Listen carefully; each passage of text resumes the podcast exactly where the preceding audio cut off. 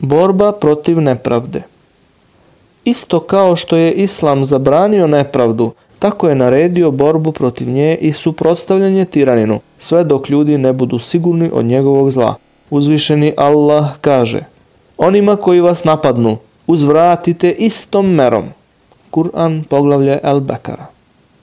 Ovo dokazuje da nije dozvoljeno činiti nepravdu agresoru i svetiti mu se, nego samo treba uzeti svoje pravo bez bilo kakvog dodavanja. Ovo je dokaz veličine Islama. Poslanik, mir nad njim, je podsticao na borbu protiv nepravde mnogim sredstvima. On je kazao, Kada vidiš moj narod da se ustručava, da kaže nepravednom da je nepravedan, tada narod više ne vredi kao da ne postoji.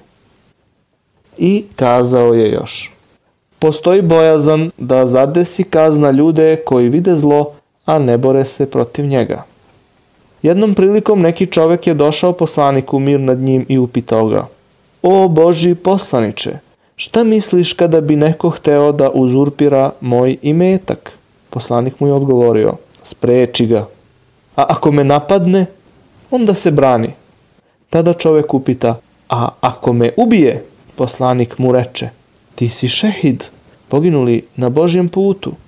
A ako ja njega ubijem, onda je on u vatri, odgovorio je poslanik mir nad njim. I rekao je, Nemojte želeti da se susretnete sa vašim neprijateljem i molite Boga da vas poštedi toga. Ali kada se sretnete, budite strpljivi i znajte da je raj pod senkama sablji.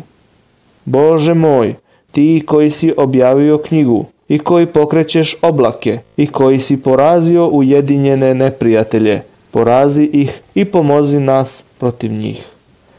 Ovaj hadis je dokaz da muslimani ne počinju sa ratovanjem i sa neprijateljstvom. I ne samo to, nego ne priželjkuju susret sa njima i mole Boga da ih sačuva toga.